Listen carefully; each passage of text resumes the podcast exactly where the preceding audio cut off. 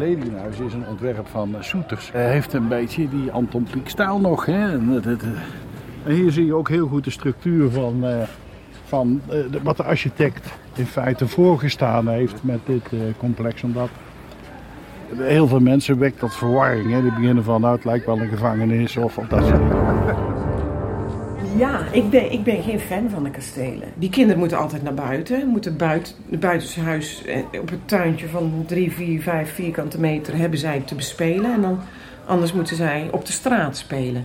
En daar is op zich niks mis mee. Maar alle huishoudens hebben twee, twee, twee auto's. Dus tot, tot vijf uur is het perfect spelen, lijkt me daar. Maar na vijf uur moet je er niet meer komen. Nou, in Haverlei zie je natuurlijk dat, uh, dat dit model niet past voor elke bewoner. Dus dit is specifiek. Want ja, uh, sommige mensen vinden het heel aantrekkelijk om in mijn kasteel te wonen, omdat het in die gesloten vorm zit, dat ze het weer heel en veilig aantreffen.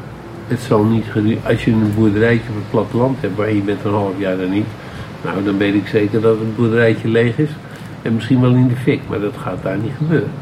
Dus het is veilig. En die veiligheid heeft natuurlijk een andere kant. Dat er ook wat sociale controle is. Als je met z'n allen om zo'n binnenplaats van, wat is het, 32 meter vierkant geloof ik woont.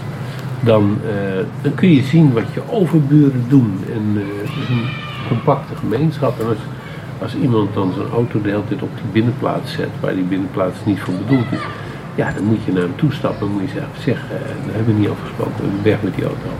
Ehm, vriendelijk of niet.